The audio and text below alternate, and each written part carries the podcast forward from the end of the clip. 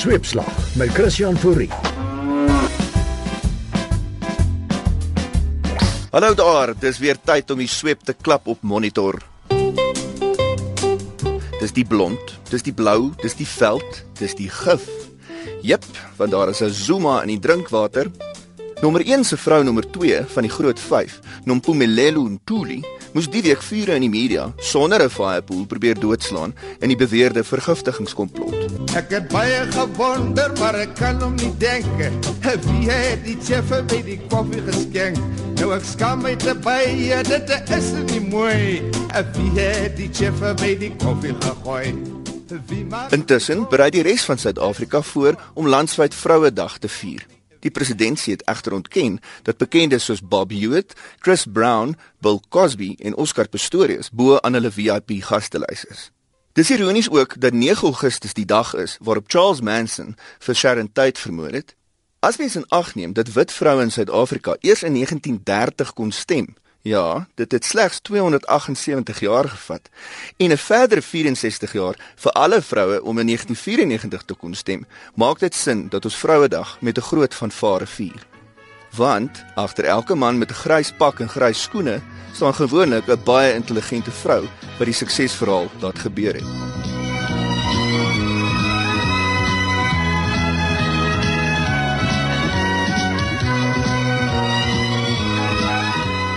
Derde reeks van Encantla Sepie het die week afgeskop met Tuli Baronsela wat terugskop soos 'n volstruis wyfie in broeiseisoen. What is it that I've done that makes me all my office the political football? Nkandla, you know, some people who could not pronounce Kandla, they've now learned. Nkandla, Nkandla. Nkandla. Nkandla is 'n spannende vervolgverhaal wat elke belastingbetaler se sak sal roer. Sweepslag het 'n bietjie kop gekrap. Hoe kan die EFF belastingbetalers en nommer 1 gelukkig gehou word? Hier is die plan. Almal ken die minions, daai pilvormige wesentjies wat net om een rede bestaan, om die wêreld se mees boosaardige skurke te dien. En die minions het nie net geld gemaak by die loket nie daar's ook speelgoed gemaak wat so soetkoek verkoop en in Cyril Ramaphosa se McDonald's aan die dik kindertjies uitgedeel word. Een van die poppies wat verkoop word, het 'n kenmerkende laggie.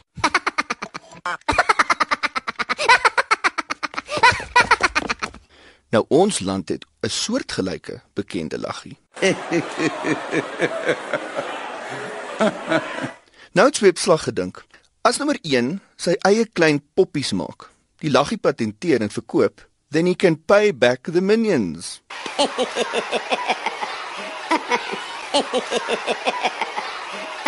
Die storie van Cecil die leeu van Zimbabwe is soos 'n slapende hond wat met 'n vuvuzela wakker gemaak is. Almal spring nou op die morele ossewa. Selfs 'n bekende siener, Karen Anderson, beweer sy het kontak gemaak met Cecil se gees. Volgens haar is hy baie gelukkig nou, op 'n beter plek, Die leeu en die lam lê dalk langs mekaar, dalk op 'n kandlas se weivelde. Maar een Facebook boodskap plaas alles in perspektief. Dit blyk dat Cecil die leeu nie 'n engeltjie was nie. Fotos is gekry waar Cecil besig is om Gary die gazelle dood te maak en op te eet. Gary was die gunsteling van inwoners en besoekers van Wanky Wildtuin, waar hy mense vermaak het met sy kenmerkende bokspronge terwyl hy sy hoewe teen mekaar kap. Gary was 12 jaar oud en laat sy geliefde vrou, Greta Gazelle, en hulle agt naamlose kinders na. Gary se jarelange vriend en vertroueling, Ziek die zebra sê: "Baie mense huil nou oor Cecil, maar laat ek jou vertel. Ek het baie vriende en familie deur hom verloor. Hy was 'n dier. Ek gaan geen trane oor hom stort nie." En dan die laaste woord oor Cecil gaan aan die inwoners van Sirië wat getweet het: "Wat is die verskil tussen 230 000 Siriërs en Cecil die leeu?" Cecil het 'n naam gehad. So onthou hierdie Vrouedag die Helen Kellers, Helen Suzmans, Helen Zillers en die Helen Josephs. En moenie vergeet van Tuli nie. Sy is die Helen. Suid-Afrika het nou meer as ooit 'n ma nodig. Nie die gierige, selfsugtige, oneerlike politieke diktators wat reëls buig en plunder nes hulle lus kry. Viva Vrouedag. Woman, I can hardly express